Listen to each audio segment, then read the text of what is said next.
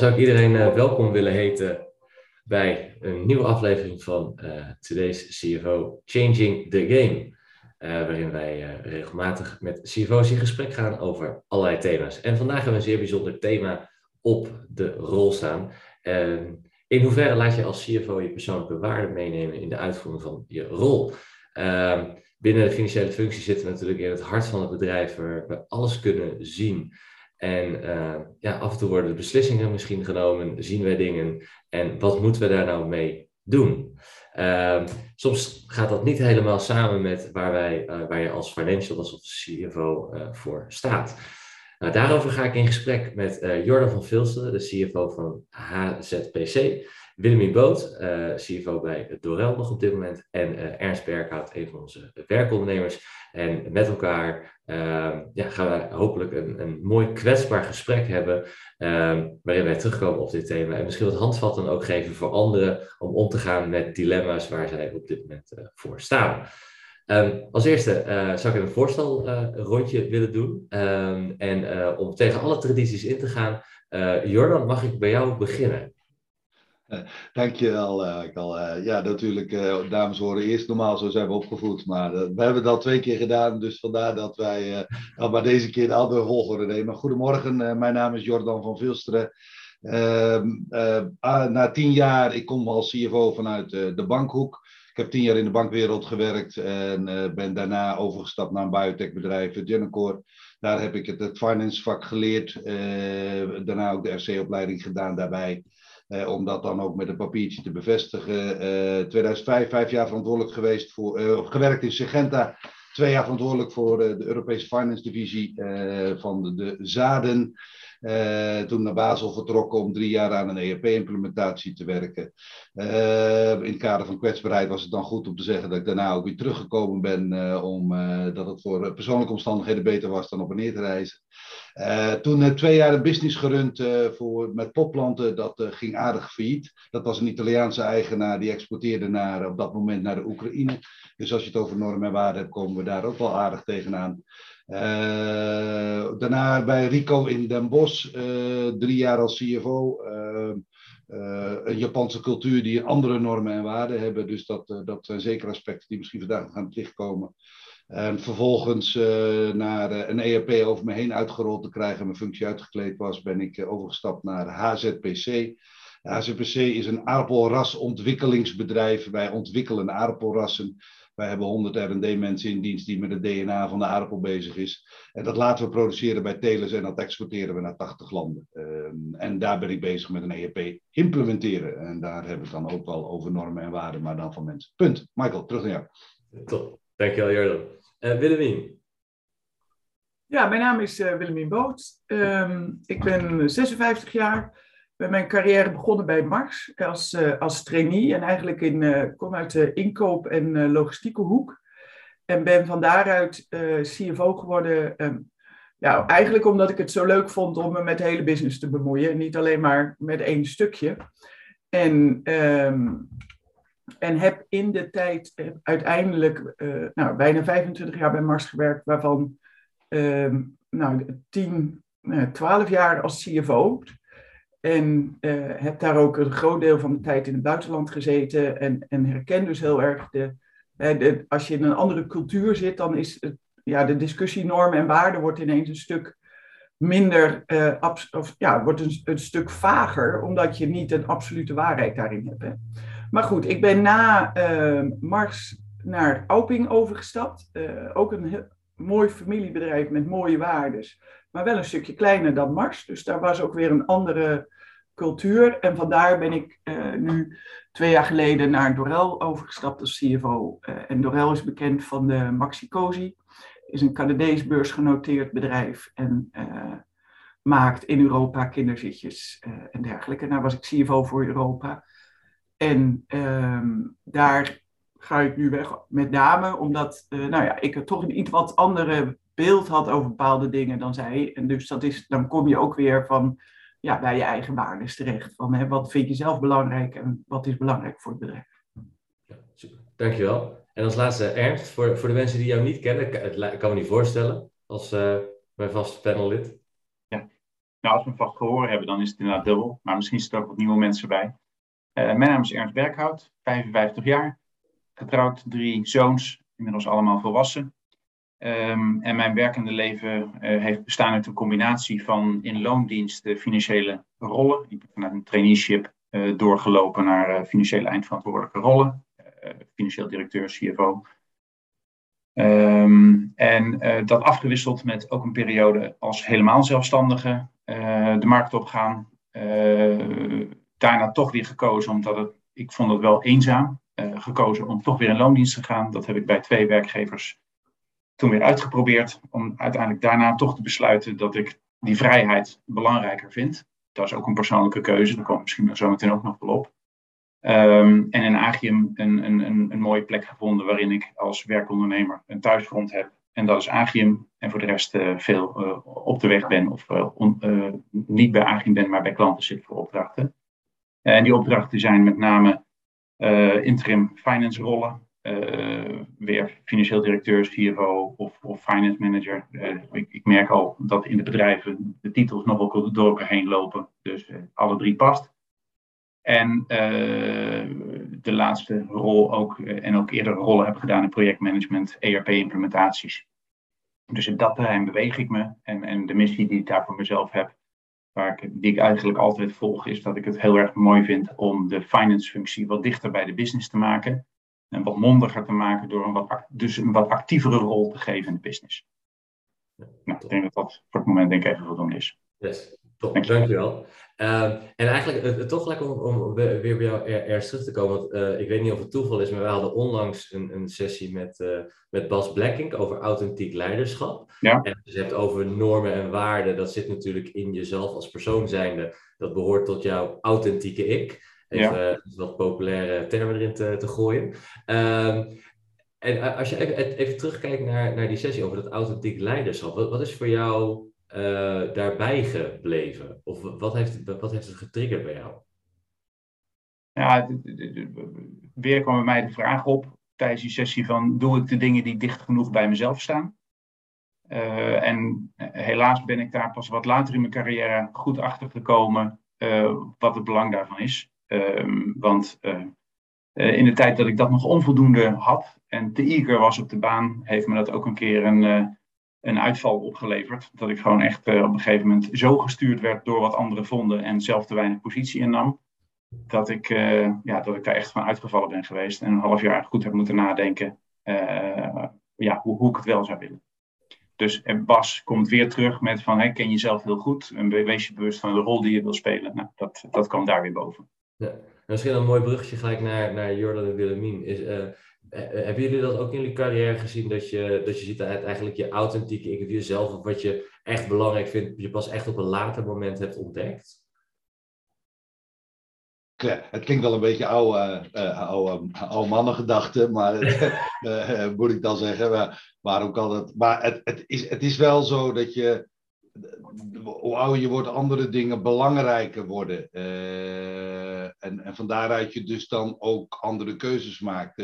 Als ik naar mijn eigen carrière terugkijk, is dan die uitdaging uh, van, uh, van waar, waar liggen je grenzen in je ontwikkeling? Ja. waar liggen dan ook je normen en waarden? die, die ontwikkel je gedurende, in mijn geval, laat ik voor mezelf spreken, ontwikkel je gedurende je, je carrière.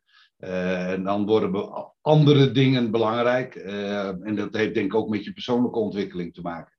Uh, dus denk ik niet toch wel een oud gezegde, ja, wijsheid komt met de jaren. Nou, ik, ik, laat voor mij zeggen dat ik dat zelf wel voel in ieder geval. Wat anderen ook vinden, dat is dan weer de tweede. Maar dat denk ik, dus speelt dus wel een rol, denk ik. Ja, maar... ik, zie, ik zie jullie wel glimlachen, dus ik denk... Ja, dat... Nee, ja dat is... Uh, nou, ik denk, uh, en er zijn bepaalde dingen die, die weet je al, uh, laat me zeggen, als je 18 bent of 25. En, en die volg je ook wel. En dan, daardoor kom je over het algemeen in de keuze van je bedrijven die je doet. Of, hè, of kom je best wel al een heel eind. Maar de, laat me zeggen, de meer de dilemma's worden natuurlijk ingewikkelder naarmate je meer in senior posities komt. Hè, toen ik trainee was, ja, volgde ik gewoon wat de normale standaard was. En op het moment dat je in een managementteam zit en echt met een ethisch dilemma zit, ja, dat, daar ben je natuurlijk oud. Dan wordt pas echt de beroep gedaan op van hè, wie ben ik nou eigenlijk zelf en wat voor leider wil ik zijn. En dat komt natuurlijk ja, met de jaren, want in, althans ja, het heeft bij mij, ik heb een aantal gewoon functies gedaan voordat ik CFO werd. En dus in die zin ehm, ja, komt die wijsheid daardoor en ook wel de bewustzijn van hé, hey, ja, maar wacht eens even, ik ben het hier eigenlijk helemaal niet mee eens. En wat voor leider wilde jij uh, zijn, ben je achtergekomen?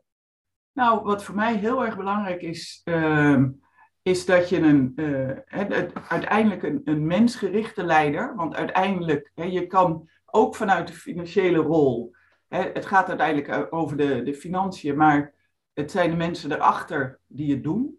dus uh, lange termijn gericht op de mens en op uh, een stukje transparantie en integriteit. En dat was, zijn waarden die voor mij heel erg belangrijk zijn.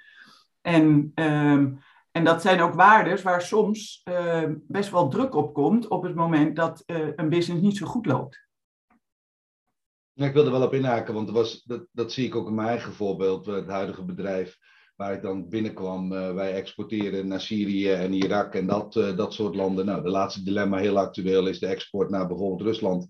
Uh, als je terugkijkt, vroeger had je daar, deed je daaraan mee, maar nu zit je in een positie dat je daar wat over te zeggen hebt. en van daaruit kun je dus dat beïnvloeden. En dan, moet je, en dan wordt het ook gevraagd, wat, wat is jouw mening daarover? Wat is jouw positie? Nou, toen ik transfer pricing introduceerde van is dat belastingontwijking in Segenta 15 jaar geleden, dan volgde je, dat was besloten al, dat was ook niet zozeer, dat je twee keuzes. Of je bent het ermee eens of je gaat weg. En nu zit ik in de positie, ja, gaan we het doen? Oké, als ik het daar niet mee eens ben met de meerderheid van de directie, moet ik ook weg. Maar uh, dat is dan wel, je kunt het nog beïnvloeden en je kunt een discussie voeren over je eigen normen en waarden. Uh, maar dan ben je er nog niet, want je moet ook je organisatie meenemen. Uh, want ja, wij kunnen wel beslissen, maar dat wil nog niet zeggen in een grote organisatie dat het ook altijd vanzelf gebeurt.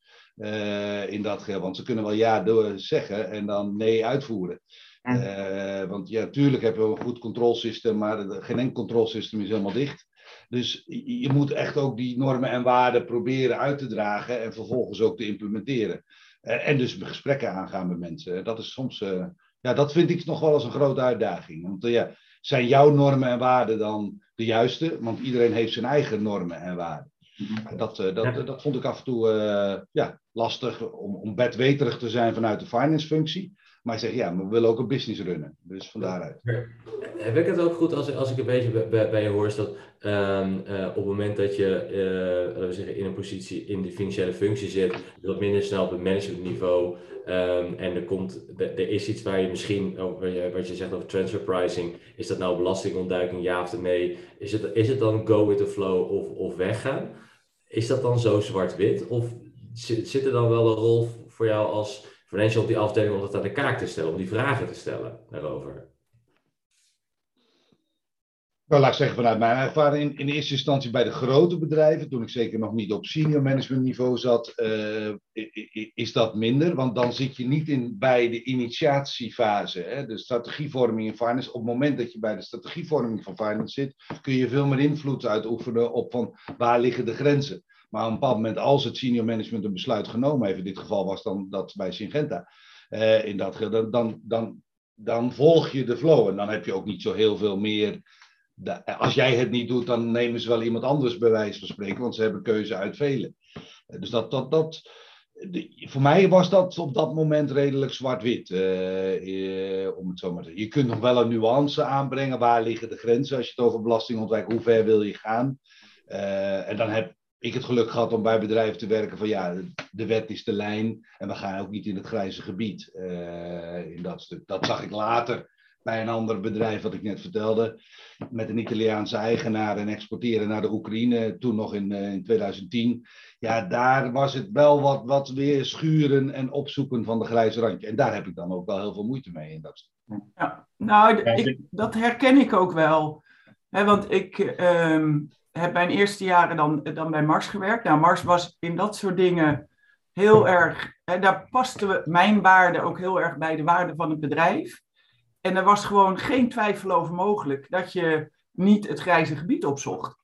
En als je dat dan, uh, nou, toch bijna 25 jaar Ehm, mee heb gemaakt in een cultuur. En, en als er dan eens een keer een market unit was die wel het grijze gebied opzocht, nou, dan kon je daar ook redelijk makkelijk ze weer in het gereel krijgen, omdat het zo eigen was uh, binnen het bedrijf.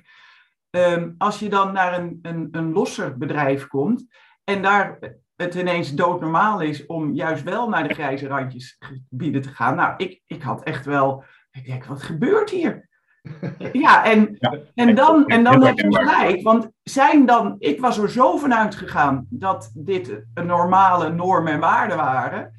Dat ik haast een soort naïef was, dat er dus blijkbaar bedrijven waren die daar heel anders over dachten. Ja, ja. dit is een hele herkenbare, uh, iemand. Uh, uh, ik, ik heb mee mogen maken dat ik in een heel principieel gestuurd bedrijf zat, wat, wat denk ik heel dicht ook bij de marswaarde ligt. En dat werd overgenomen door een veel en meer entrepreneurial bedrijf, een groep, even groot. En daar, daar zag ik die kentering van, ja, we kunnen wel heel principieel zijn. En dat was in dat geval, was dat, dat, uh, uh, dat was de Van groep, die, die investeerde ook wereldwijd in, plant, in, in, boomplantages om CO2 te compenseren. Dit was in de negentiger jaren al, maar de, de president-directeur had echt een visie dat hij toen in 2000 al econeutraal wilde zijn. En toen kwam er een buitenlandse partij die nam uh, over. En toen werd het ineens veel pragmatischer. En dat vond ik heel erg lastig. En daar sluit ik ook een beetje aan met wat jij zegt, Jordan. Uh, uh, kijk, alleen maar op je persoonlijke voorkeuren een baan invullen, dat gaat hem niet worden. maar het, wordt natuurlijk, het gaat steeds meer pijn doen naarmate het heel principieel wordt.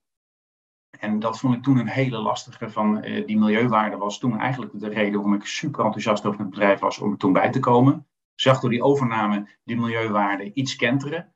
Gelukkig was de overnemer zo slim om het niet helemaal weg te gooien, want hij wist dat er enorm veel loyaliteit op milieu bij de over te nemen partij zat.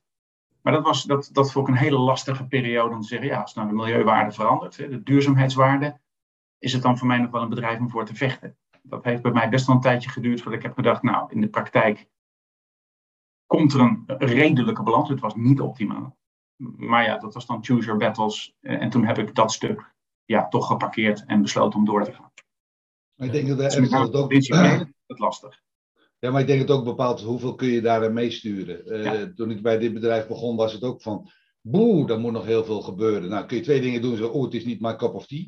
Of je kunt zeggen van, nou, ik pak de handschoen op en ik ga proberen om dat uh, stap bij stap te veranderen. Uh, dus ja. waar je net ook zei van, ja, is het volledig in je eigen normen waarden of kun je de beweging inzetten om het naar normen en waarden te krijgen.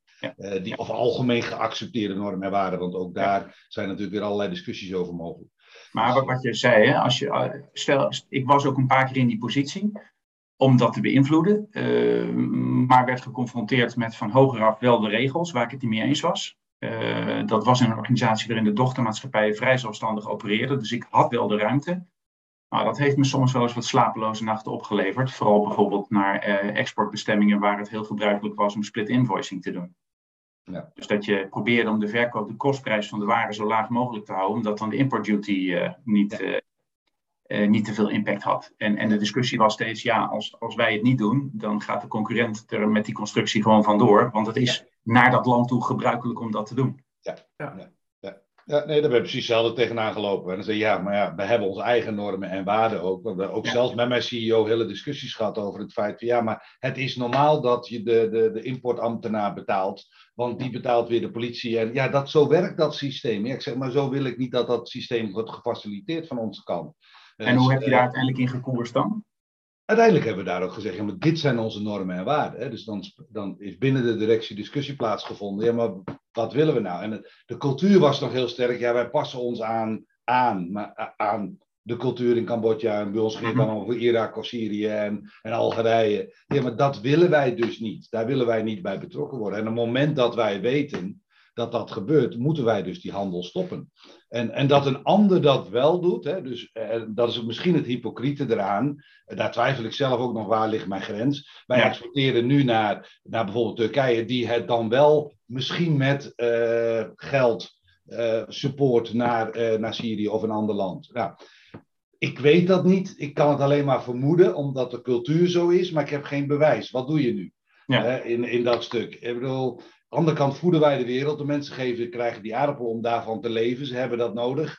Gaan wij nou om onze ethiek, wij hebben onze buik gevuld, gaan we zeggen, ja, dat mag een ander niet doen. Ik heb geen bewijs. Dan zeg je, ja, nee, daar, daar houdt mijn norm en waarde op. Ik bedoel, ik kan niet over de hele wereld regeren. Uh, want, uh, en ik hou daar mijn norm aan van, ja, ik weet, ik doe zelf niet daaraan mee. Of wij doen er niet mee. Nou, dat hebben wij dus dan met elkaar afgesproken. En dat betekent dat, dat je toen uit die business gestapt bent? Sorry, uh, Ernst? Dat betekent dat je toen uit die business gestapt bent? Nee, we hebben dus een derde partij gevonden die het voor ons doet. Maar niet wetende, niet wetende of zij het doen. Ik heb geen bewijs. Nee. Dat, nee, maar dat is inderdaad, uh, hè, ik, dat is natuurlijk heel herkenbaar, want als je veel exporteert en daar je business ook afhankelijk van, je kan niet altijd zeggen, ja, ik doe het niet. En tegelijkertijd um, ja, is het ook wel zo, en dat zie je natuurlijk nu ook in Rusland gebeuren, hè, dat mensen allerlei constructies gaan bedenken, dat ze zeggen voor het publiek, we gaan eruit. En uiteindelijk gaan ze er helemaal niet uit. Nee. En, dan, en, en daar, ik ben zelf wel van, uh, hè, als je naar, en mensen zijn niet achterlijk. En dat vind ik ook in de, hè, ik heb dat, op een gegeven moment had ik een, een dilemma over dat we met het bedrijf, het ging niet goed. En uh, dat mijn CEO absoluut wilde dat we alleen maar vertelden dat het geweldig ging. Naar de medewerkers, maar ook naar de Raad van Commissarissen. En, um, en ik, ja, dat, dat gaat echt tegen mijn, mijn eerlijkheid in. En, en ook, ik geloof niet dat het heel slim is, omdat je uiteindelijk, als je mensen mee wil krijgen en advies en hulp, dan moet je ook hulp vragen. Hè? Je moet je kwetsbaar op durven te stellen van, sorry jongens, we hadden een strategie, maar het werkt niet. Mhm. En we hebben jullie nodig.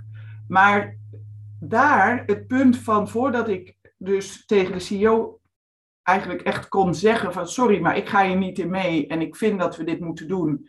En, en dat gesprek aangaan, dat heeft me best wel tijd gekost. Want dat is toch, want je hebt enerzijds je loyaliteit naar een CEO en waar je ook van vindt van ja, je moet als team, wil je uh, verder. En anderzijds van ja, maar wacht eens even, als ik dit nu niet uh, doe, of hè, als ik meega met hem, wat, um, wat betekent dat dan? En dat dilemma, dat vond ik echt wel, uh, wel ingewikkeld. En ik heb dan voor mezelf ook altijd dat ik zeg van nou, op het moment dat ik het gevoel heb dat ik er eens met iemand over wil praten, hè, van buiten, van wat vind jij er nou van? Uh, mijn broer is ook CFO. En dan als ik denk van nou, ik bel mijn broer eens, dan is het over het algemeen een dilemma waarvan ik weet van oh, hé, hey, wacht even dit, gaat, dit komt te dichtbij en hier moet je dus oppassen van, uh, blijf je wel bij jezelf. Mooi, mooie trigger. CEO trouwens ook uitgelegd waarom hij dat wilde. Waarom hij niet de waarheid wilde vertellen. Nou, um, omdat hij. Um, nou, het, het, ging er met name over dat uh, om bang te zijn voor je eigen positie. Ja, ja. Hè, dus dat je als CEO um, dan je, nou ja, je positie en dat ze je misschien uh, nou ja, je in twijfel zouden trekken. Ja. Ja, uh, dus niet eens een klein leugentje om eigen best wel, omdat het op de korte termijn iets slecht was, op de lange termijn het weer beter gaat en de sfeer goed houden, maar echt gewoon eigen, eigen positie. Ja, nou ja, en, naar, en je, naar je medewerkers ook wel uh, de gedachte van ze kunnen er toch niks mee. Je maakt ze onnodig nerveus. En nou ja, en dat is echt, een, daar kan je het natuurlijk over hebben. En, en dat, hè, dat is zo'n kantelmoment. Waar we, zo heb ik het ervaren, althans. Ik sluit enorm op wat je vertelt, Wilhelmine. Dat, dat je in, in eerste instantie wil je niet gelijk moord en brand roepen. Terwijl je aan de einde wel denkt van als we zo doorgaan, lopen we wel de afgrond af. En dat, dat vond ik ook een hele lastige. Van op een gegeven moment doseren van ja jongens, we hebben wel gezegd het loopt op rolletjes, maar dat loopt het eigenlijk niet. En hoe hou je dan inderdaad de kant boven je uh, rustig? Of hoe manage je die en hoe manage je je personeel? Heel lastig vraagstuk. Ja, maar aan de andere kant denk ik, ja, en dat was wat meneer zei, je houdt de mensen niet voor de gek. De mensen weten heel goed wat er in een bedrijf aan de, aan de hand is. Ik bedoel, ja. ik bedoel, het A hoeft mijn CEO niet te vertellen hoe het bedrijf gaat. Hè. Ik bedoel, uh, dat, dat, dat, op, met de cijfers in dat stuk. Hij weet dat als een normale CEO, CEO weet wat er binnen zijn bedrijf gebeurt. Medewerkers weten dat ook. Dus ja, ik, wij zitten, nou gelukkig zitten wij helemaal op één lijn. Ja, we zijn eigenlijk volledig transparant. Want ja, de Raad van Commissarissen is er ook om jou te helpen.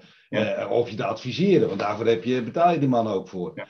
Dus uh, ze zitten niet voor niks alleen maar om jouw mooie verhaal aan te horen als het niet was. Nee, dus ik zie het niet als een dilemma. Ik heb tot nu toe ook niet met mijn CEO's ooit een probleem over gehad. Het is wel zo, als een CEO had die erg commercieel was en die het verhaal wel erg mooi kon vertellen. Nou ja, dat ja vond, ik, vond ik ook wel weer met een glimlach eh, in dat geval. En dan zeg ik, ja, dan kijk ik naar de achtergrond van, van Michael. En zeg ja, be the change. Ja, daar ben jij dan ook de tegenhanger in. En ja, zorg ook voor dat dan het andere verhaal uh, geluid gehoord wordt ja, een CEO die niet commercieel is, die uh, niet verhaal kan vertellen, ja, dan denk ik ook altijd, ja, ben je dan, waarom ben je dan CEO? Ja. Dus, uh, dus ja, ik, ik, vind, ik, ik vind het een iets minder dilemma. Ik, heb altijd zo, ik wil eigenlijk zoveel mogelijk transparant zijn.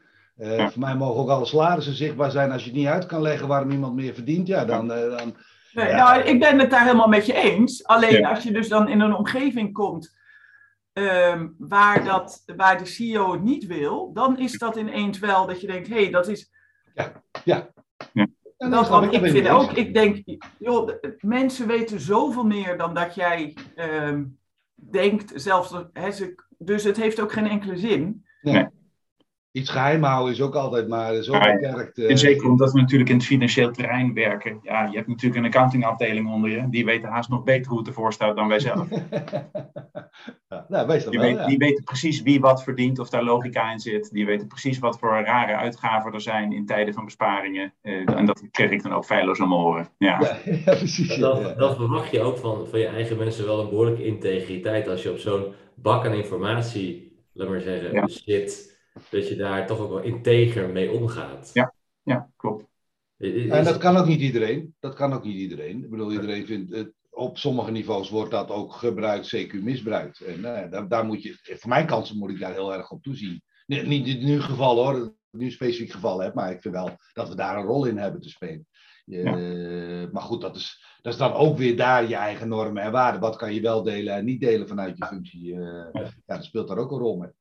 Er komt ook een vraag binnen, die, die gaat een beetje trouwens ook naar waar ik ook naartoe wilde. Kijk, um, sorry, mijn integriteit meldt me dat ik nu even voor een transformator moet gaan lopen, want uh, mijn, mijn batterij van mijn uh, laptop is niet voldoende. Ik ben ja. in 30 seconden weer terug, maar ga vooral door. ik stel gewoon de vraag, dat maakt niet Want, uh, Is er een grens aan te geven van hier werk je niet meer aan mee? en hoe ga je ermee om? Welke conclusie trek je uiteindelijk nadat alles al gezegd is? En dat is een beetje ik wil ook vragen, welke beslissingen vond je nou ook moeilijk om te nemen? Uh, en heb je toch moeten nemen, ja of nee? En, en hoe ging je daarmee? Dus het ligt een beetje in lijn met, eh, met elkaar. Maar daarop reageren, ik weet niet wie eerst wil. Ja, ik moet even nadenken of ik de vraag goed begrijp. Uiteindelijk, welke beslissing die er genomen is, waar je uiteindelijk ja hebt gezegd, vond je echt moeilijk om ja tegen te zeggen? Ja. Heb je wel ja gezegd? Ja, dat is een interessante, want Um, ik kan me wel dingen waar ik uiteindelijk dus nee gezegd heb. Omdat ik zeg, hier werk ik niet meer aan mee. Um, Dan beginnen we daarmee. Ja, nou, ik, ik had op een gegeven moment zat ik in een, uh, in een market unit waar um, de CEO uh, toch wat anders met um, nou ja, de, de, de declaratiegedrag omging als wat ik of, of wat binnen het bedrijf paste. En, um, en eerst dacht ik, ah, nou, het is één keer, of weet je, het was, het was een beetje grijs. En uh, dus ik denk, nou, het zal wel goed zijn.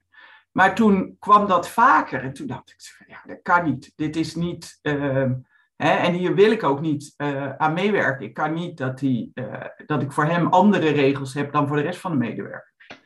Dus toen, maar je weet tegelijkertijd, op het moment dat jij ehm, doorgeeft dat de CEO zich niet houdt aan de uh, onkostenregelingen hè, en de declaratiesystemen, dan weet je dat het het einde van, van de goede man is. Hè, want uh, daar is, uh, dat is no mercy. Dus dat is best heel lastig om te zeggen van ja, wat, wat is nou nog hè, een beetje van oké, nou, wat is acceptabel daarin en wat niet? En uiteindelijk heb ik daar dus van gezegd van nee, dit, dit kan niet. En nou ja, toen is de man ook ontslagen. En ja, als je dan uh, toch ook hè, ja, heel nauw met elkaar hebt samengewerkt, is dat, vond ik echt heel erg ingewikkeld. Ja. En als, als, je daar dan op, op terugkijkt, zou je zeggen dat, uh, zou je dan nu misschien eerder ingrijpen en het gesprek aangaan, uh, zodat het niet meer gebeurt en misschien ontslag van zo iemand ook voorkomen wordt? Ja, ik denk het wel. Ik denk dat ik. Um, achteraf gezien ehm, dat, ik nu in een eerdere instantie bij de persoon zelf ehm, het gesprek aan zou gaan. Ik moet wel zeggen dat uh, het ook sowieso de, uh, op dat soort dingen het een lastig gesprek was. Dus, hè, dus het was ook niet heel makkelijk om te doen. Maar ehm, ja, ik denk wel dat je hè, daar ook weer lerende van dat je het nou ja, eerder wil ingrijpen. En uh, eigenlijk weet je al gewoon dat het niet goed is. Dus dan moet je ook gewoon op dat moment, voordat het groter wordt, uh, ingrijpen. Ja, ja, dat is een mooi voorbeeld, denk ik. En Jordan? Ja, ik heb er één instantie, ja, ook één, maar toen zat ik nog niet in de positie dat ik dat kon corrigeren. Hè? Dat, uh, dat de flessen van 250 euro wijn werden gedronken op een lunch, uh, want het was zo'n belangrijke klant en het, we hadden het contract getekend. Uh, de, ja, nou ja, goed, dat kun je zien als een incident, maar daarna gebeurde het nog wel vaker. En dan, dan, ja, dan zat je niet in een positie. En ja, het was te klein om het groot te maken, maar ja, ik heb ook altijd geleerd, het begint klein. En als je dat toestaat, dan groeit dat en wordt het een onderdeel van de cultuur en de normen en waarden van dat is normaal. Dat had ik in de bankwereld al in de jaren negentig. Waar het nog gewoon normaal was dat, uh, dat je ging skiën met, uh, met je broker. En dat je dure flessen pakketten wijn van 1000 euro thuis bezorgd kreeg. Ja, nou, we moeten dat ook zien in de setting van dat dat toen was. Toen was dat normaal. dat, is, dat is nu niet meer normaal. Uh, en dat wordt gewoon als omkoping gezien. Uh, nou, en dat trek je nu ook door. Een ander geval waar ik, maar daar is het eigenlijk andersom. Uh, en dat was voor mij de export naar Rusland toe van onze aardappelen daar. En toen was het op een bepaald moment van, ja nee, dat, is oorlog, dat gaan we niet meer doen. Totdat we daar op een bepaald moment, dus ik zat er veel meer in van, nou stoppen, heel die handel, bij wijze van spreken. Maar totdat je dat in een wat meer holistische bekijken, zeg ja, maar Waarom doen we dat nu wel? Omdat Rusland naar de Oekraïne invalt. En niet omdat uh, Saudi-Arabië naar Jemen is ingevallen. Of uh, Palestina, uh, Israël naar Palestina is ingevallen. Want hé, hey, wacht even. Doen we dit wel op de juiste perspectief zien? Dus ja, het kan ook voor mij andersom. Waar je een bepaald je eigen normen waren. En vanuit je gevoel zeggen van dit klopt niet. Dan je zegt ja, maar ho. we moeten het wel in de totale context zien. Mm-hmm. in, in, in waarin je opereert in het wereld. en nou, dat, dat, dat zijn twee, hopelijk een, twee voorbeelden van, van, op antwoord op je vraag. Ja. Ernst, heb jij de vraag van de luisteraar? Ja, ik heb, ik heb de vraag nog wel mee kunnen nemen. Excuses voor de onderbreking even. Maar het draait weer op stroom. Um, ja, um, ik, ik, herinner me dat ik uh, uh, uh, bij een werkgever solliciteerde. heel graag een baan wil hebben. Uh, en, en daardoor niet kritisch genoeg was. Het was een partij die door hedge funds uh, gefinancierd werd, met enorme targets. En uh, daar merkte ik stapje bij beetje dat er eigenlijk steeds meer niet aan de haak was. Dus er waren de nodige capriolen uitgehaald om de bankconvenanten te ontlopen, of het door de grenzen heen te gaan, dat te ontlopen. En ja, het werd een stapje een beetje steeds uh, uh, vervelender uh, in mijn eigen hoofd om daar te blijven. totdat ik echt zelf merkte dat er twee zonnekoningen op het bedrijf zaten die ja, met hun eigen financiën meer bezig waren dan met het, met het goed gaan van het bedrijf. En dat leverde op een gegeven moment de situatie op dat er zoveel van het personeel gevraagd werd. En eigenlijk ja, het personeel, ik durf wel zeggen, murf geslagen werd, inclusief de MT-laag dat ik op een gegeven moment zei, ja, ik, ik, ik krijg gewoon de verhalen gewoon niet meer bij elkaar. Ik, ik, ik, wat wat, wat de, de board nu van mij vraagt, dat moet ik uiteindelijk uitrollen naar mijn team toe. En ik durf het ze gewoon niet meer te vragen. En toen, uh, dat is wel uit, uit nood, is dat toen geboren, heb ik gezegd, ik, ik, ik ga hiermee stoppen, ik ga eruit. Dus, uh, en, en het, het, enige wat me daar achteraf nog van door het hoofd speelt, is van, ik, ik ben er niet met veel tamtam -tam uitgestapt. Dus ik ben er vrij decent uitgestapt. En de vraag die me nog steeds door het hoofd speelt is van, had ik het misschien op een andere manier de uitstap moeten doen, zodat anderen daar meer gewaarschuwd door zouden zijn of, of ja, daar ook hun lessen uit of lering uit zouden kunnen trekken. Een voorbeeld uh, willen stellen eigenlijk. Ja, of ook bewustmaking. Kijk, we, we, hadden het net over de financiële afdeling. Ja, die wisten natuurlijk precies hoe het erbij stond. Want die zagen inderdaad wat voor kosten er de tent heen liepen. Terwijl we constant tegen faillissement aan het vechten waren. En die kwamen dus ook steeds met die vragen van Ernst, wat, hoe, hoe moet ik dit nou plaatsen? En ze gingen er decent mee om. Het, het bleef binnen finance. Maar ja, binnen de afdeling gonzen het af en toe. Omdat er weer een bizarre declaratie voorbij kwam. Ja, ja. En ehm, ja, dat, dat, eh, nou, die tijd is wel een kras op mijn ziel. Daar, eh, daar heb ik te lang, ehm, ben ik erin blijven hangen vanuit eigen lijfsbehoud. Hè, dan heb ik maar een baan. En als ik terugkijk, had ik, ja, was ik trotser op mezelf geweest als ik eerder de stekker eruit had getrokken. Ja. Maar misschien ook aan, aan Jordan en Willemien vragen. Was je er met een Big Bang wat meer uitgestapt in, de, in deze situatie? Of ook wat voorzichtiger? Rustiger? Ja. Nou, dat is, ik, weet je, uiteindelijk, um, het gaat, er is een verschil tussen van, hè, doe je echt dingen die illegaal zijn, of zijn het dingen waar jij het niet mee eens bent? En die niet bij jouw normen en waarden passen. En op het moment dat je, laat me zeggen, dat het echt uh, illegaal is, dan vind ik dat je er ook gewoon ja. open over kan zijn. Ja. Op het moment dat het iets is wat jij als persoon nooit zou doen of wat niet bij jouw normen en waarden passen. Maar hè, dat is wat Jordan ook zei. Ja, Rusland mag niet en Israël mag wel. Dus, Ja. hè, en waar ligt die grens? Vind Ja. ik niet dat je het eh, er met een hele grote Big Bang uit moet gaan. Ja.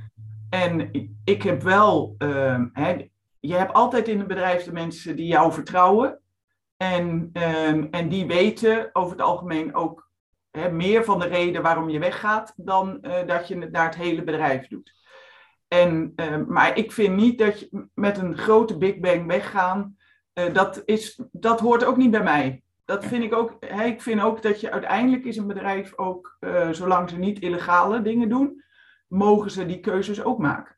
Alleen ik ik ben mooie scheidslijn, Willemien. Mooie scheidslijn, ja. Ja, ja.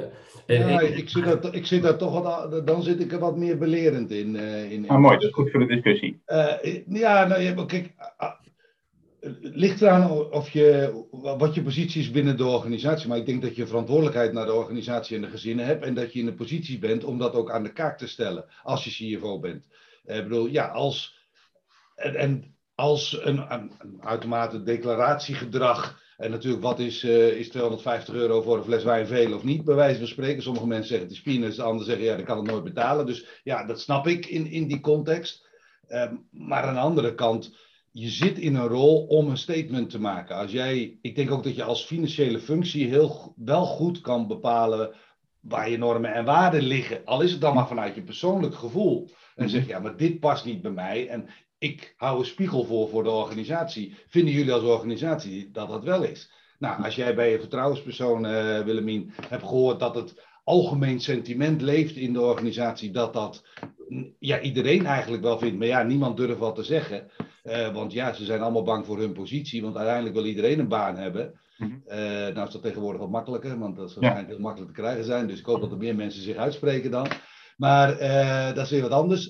Dan zeg ik ja, ik zou wel, dat, maar goed, dat past dan ook misschien dat ik vrij veel herrie maak. In het vorm van, ja, laat dan ook je stem horen. Je gaat weg. Ja, en dan, is het, dan heb je het maximale gedaan wat je hebt kunnen doen als Mhm. leidinggevende in die positie. Ja, voordat ik wegga, hè, ik bedoel, ik zal niet van de een op de andere, zal ik eerst zeker dingen aankaarten en, en ook met andere mensen in het bedrijf bespreken. En ik zal ook ehm, hè, wel aangeven waar ik het niet mee eens ben. Dat is absoluut waar. Maar ik zou niet eh, naar het Financieel Dagblad gaan en zeggen: Moet je nou eens even kijken wat, daar, wat ze daar aan het doen zijn. Want dat vind ik, eh, ja, dat vind ik niet kunnen. Dat is de grens van het bedrijf beschadigd achterlaten. Daar ben ik Ja. met je eens. Ja. Eh, dat, Nee, dan eh, krijg je een soort klokkenluider-effect. Ja. Ja. Dat, daar moet je nou, ja, klokkenluiders dan weer van, oké, dat zou vaak misstanden zijn. Ja, Ja. is een declaratie te veel of weet ik veel Nee, nee, praktijken die niet gaat. Dat is dan, vind ik dan weer dan. Maar daar ben ik het mee eens. Je moet denk ik niet het bedrijf proberen te beschadigen. Want dat, dat sowieso is ook nooit lekker fijn voor jezelf, maar ook fijn voor een ander dat je gaat natrappen natuurlijk. Maar wat, wat sowieso natuurlijk wel lastig is, dat, dat kaarten jullie eh, eh, net tussendoor ook even aan, is dat soms doe je iets waar je niet helemaal achter staat, waar je, waar je niet helemaal prettig bij voelt. Alleen je durft je ook niet uit te spreken omdat je baan op de tocht staat. Misschien ben je bang voor. Ehm, en dat is natuurlijk best wel een logisch iets wat mensen hebben. Kan je er dan toch voor zorgen dat mensen wel zichzelf uitspreken zonder dat ze dat. Hoe kan- je een veilige omgeving creëren dat mensen ook echt hun zorg en normen en kunnen uiten? Of zal dat altijd heel erg lastig blijven? Nou, ik, denk dat je daar, als ik daarop mag antwoorden, natuurlijk heb ik me altijd als leidinggevende verantwoordelijk gevoeld voor de mogelijkheid bieden om commentaar te geven. Dus dat betekent, wat Willemien en, Jordan eerder ook al zeiden, ja, je moet zelf wel transparant kunnen handelen, anders ben je besmet. Uh, en, en zeker in een financiële afdeling weten mensen dus heel snel als je, of je als leidinggevende besmet bent of niet. Sta je dingen toe die eigenlijk niet mogen, ja, dan, dan, dan is het dus ook voor de collega's weer een, een barrière om uh, aan te lopen tegen uh, of te melden waar ze echt mee zitten. Want je bent dus, je bent dus uh, omkoopbaar. hoe zeg je dat? ethisch omkoopbaar. Dus het is, nou ja, misschien is dat wel uiteindelijk ook waarom ik toen bij die partij gestopt ben. Ik denk, ja, ik, ik, ik kan mensen er gewoon echt niet meer recht mee in de ogen kijken om ze nog een stapje verder te duwen, terwijl ze weten dat de boel niet klopt. Maar ik zou die vraag iets anders willen antwoorden. Is een, een, een veilige omgeving creëren. Ik, ik merk op het moment dat je vocaal wordt over normen en waarden, dat mhm. mensen je ook gaan ontwijken die niet dezelfde normen en waarden hebben. Mm omdat het, ja, ze weten waar je voor staat. En ja, ze, mensen weten over het algemeen verdomd goed wat, wat wel kan en niet kan, uiteindelijk. Mhm. maar ze zijn soms flexibel omdat, ja, het is zo leuk om die, die sales te doen. Of het is zo leuk om, om die leuke inkooptransactie te doen uh, in, in dat geheel. Dus je, er zit, je moet dus, je kan het niet alleen, je moet dus zorgen dat die hele structuur in die organisatie daarop gestoeld is, om het zo maar te zeggen. Want anders, ja, jij krijgt niet meer de signalen. Je kan wel proberen om voor jezelf een vertrouwde omgeving te doen, maar ja, eh, mensen blijven toch op een bepaald moment ja, ook vrezen voor hun baan. Er zijn er maar weinig mensen die heel eerlijk en ook naar jou toe als CFO uh, zich blootgeven, is mijn ervaring. Misschien ja. anderen een andere ervaring hebben. Maar uh, je krijgt wel eens signalen tussen de regels door. Maar ze zijn wel erg voorzichtig, eh, merk ik. In, niet alleen mijn huidige rollen, maar ook de rollen die ik daarvoor had. Ja. Ja. Hoe was dat bij jou, Willemien? binnen het familiebedrijf, was, dat, was er sowieso een, een, een veel openere sfeer daar voor jouw gevoel? nou, de, ik, ja, ik, ik, denk wel dat het verschil tussen het familiebedrijf en, uh, en een, een niet-familiebedrijf, dat er uh, over het algemeen meer openheid is. Uh, maar dat heeft ook, ook, denk ik met de grootte te maken, maar ook in wat je uitstraalt.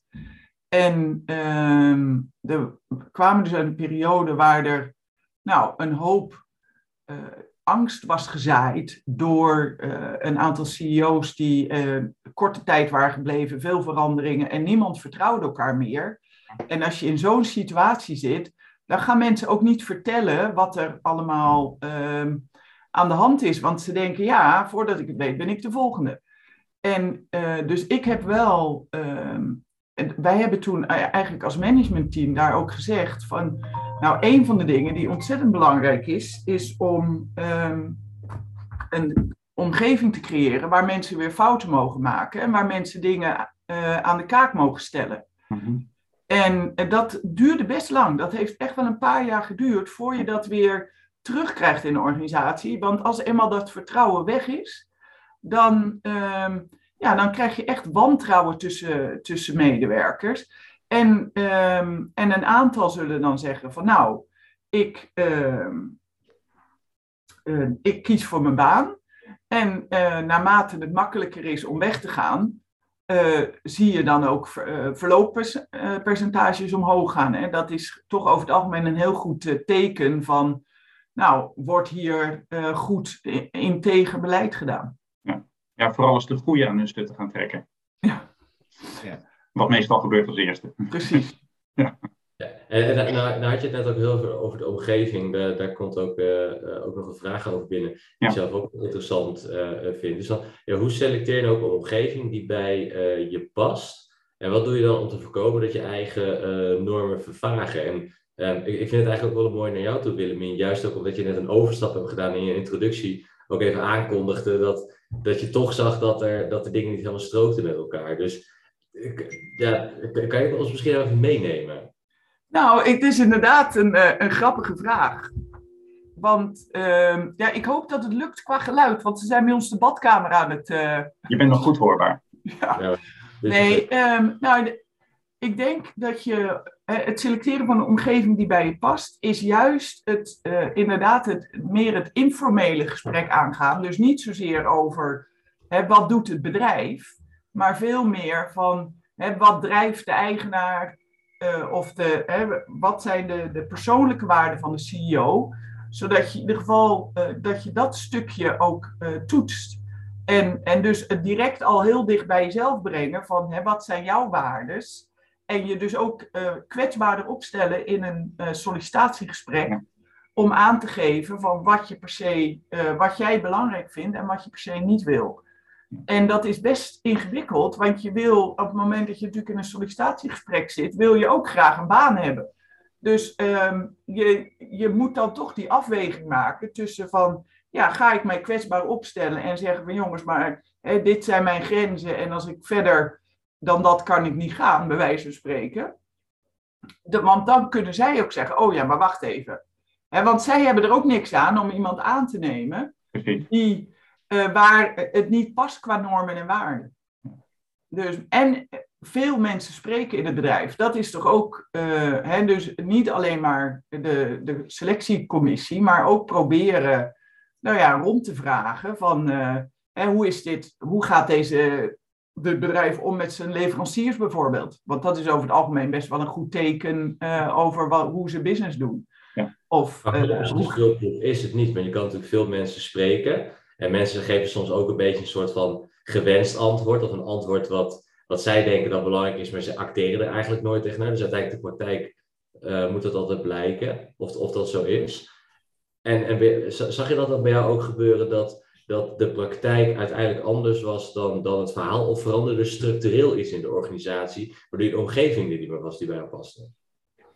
Nou, bij mij was het zo dat ik uh, wel uh, hè, toen ik bij uh, Dorel ging werken, toen dacht ik al wel van, hé, hey, klopt dit helemaal? Maar ik wilde de baan te graag. Ik vond de baan gewoon te leuk en ik dacht, ach, ik stap hier wel overheen. Het komt wel goed. Ja. ja.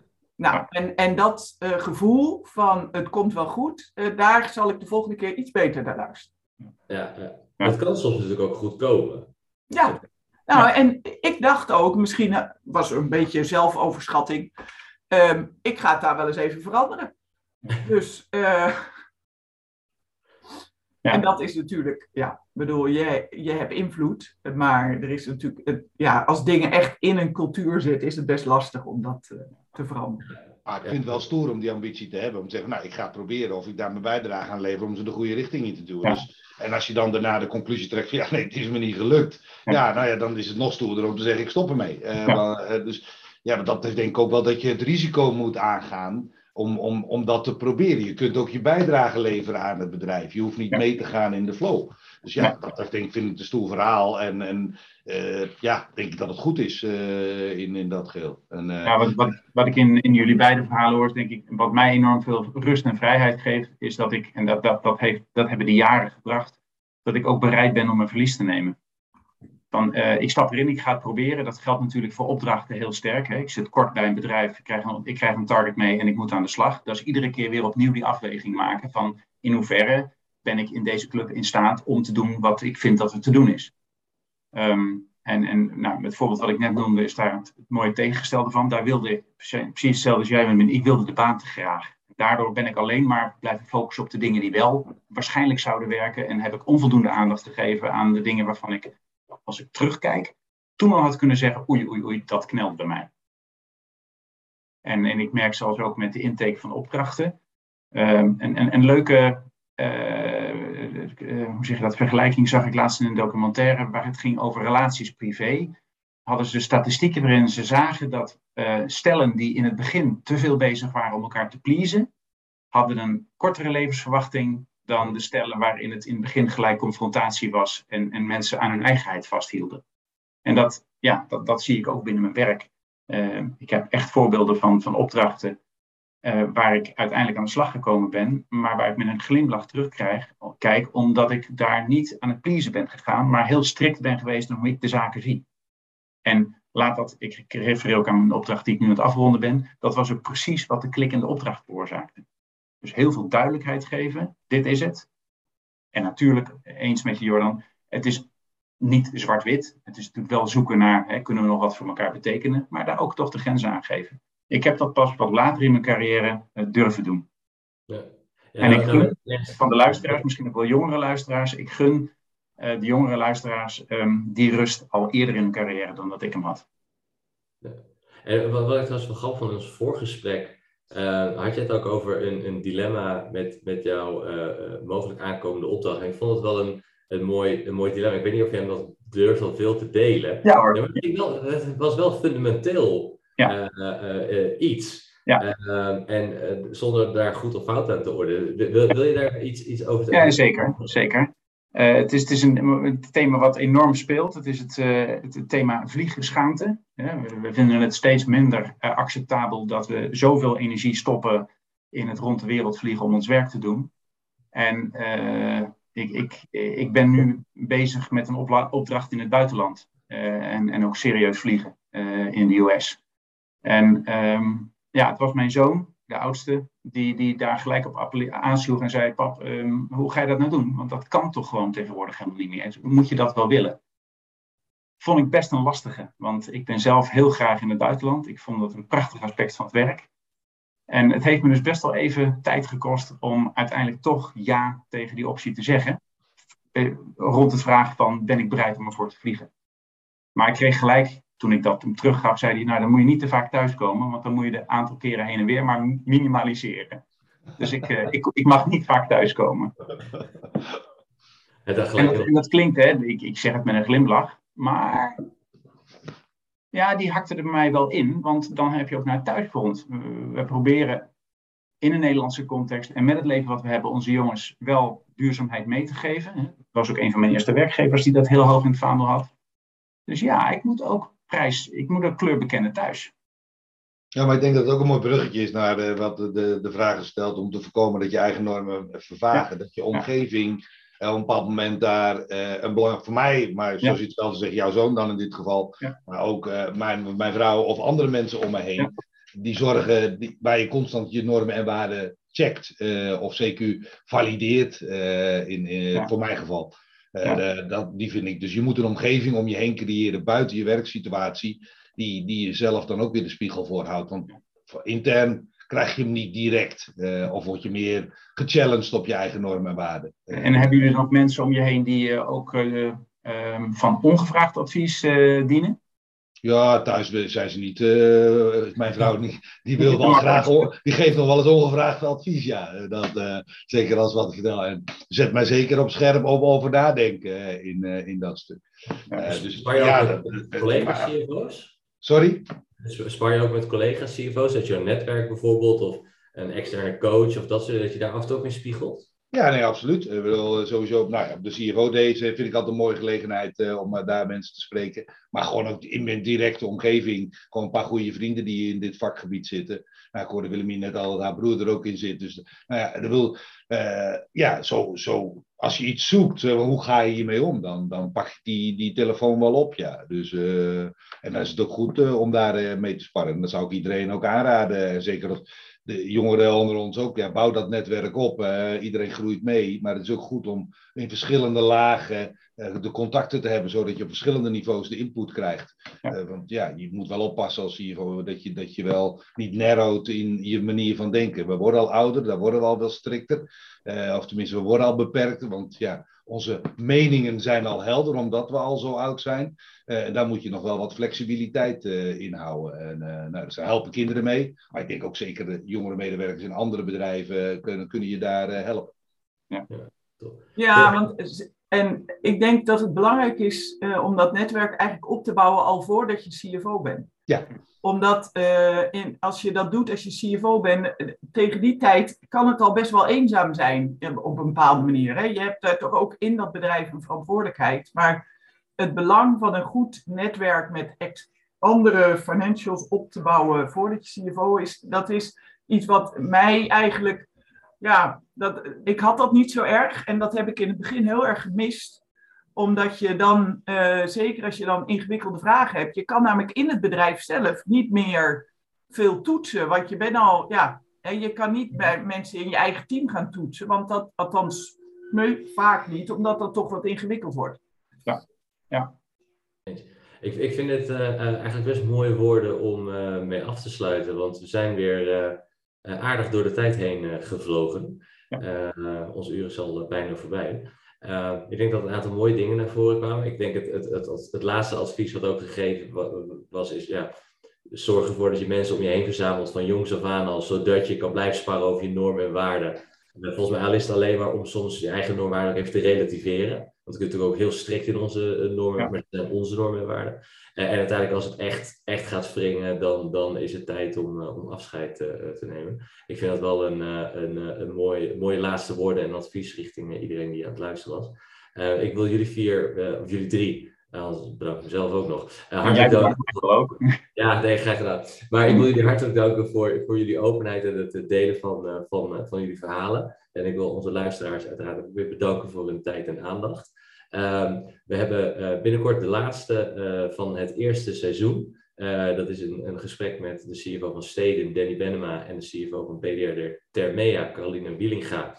waarbij we de energietransitie dan vooral over de impact op de strategie van het bedrijf gaan, gaan pakken. Er is ook veel over te doen, zeker ook met, met alles wat er in Oost-Europa gebeurt, de gasprijzen, de olieprijzen de inflatie uh, die, die omhoog hier. Nou, we moeten er wat mee gaan, gaan doen. Ik ben benieuwd hoe uh, die bedrijven daar ook mee, mee aan de slag zijn. En ik hoop jullie dan uiteraard weer terug te zien. En voor nu hartelijk dank alle voor tijd en aandacht. En ik wens jullie een hele fijne dag toe. Vond je dit nou een leuk gesprek en wil je meer verhalen horen van CFO's? Volg ons dan op ons Agium kanaal.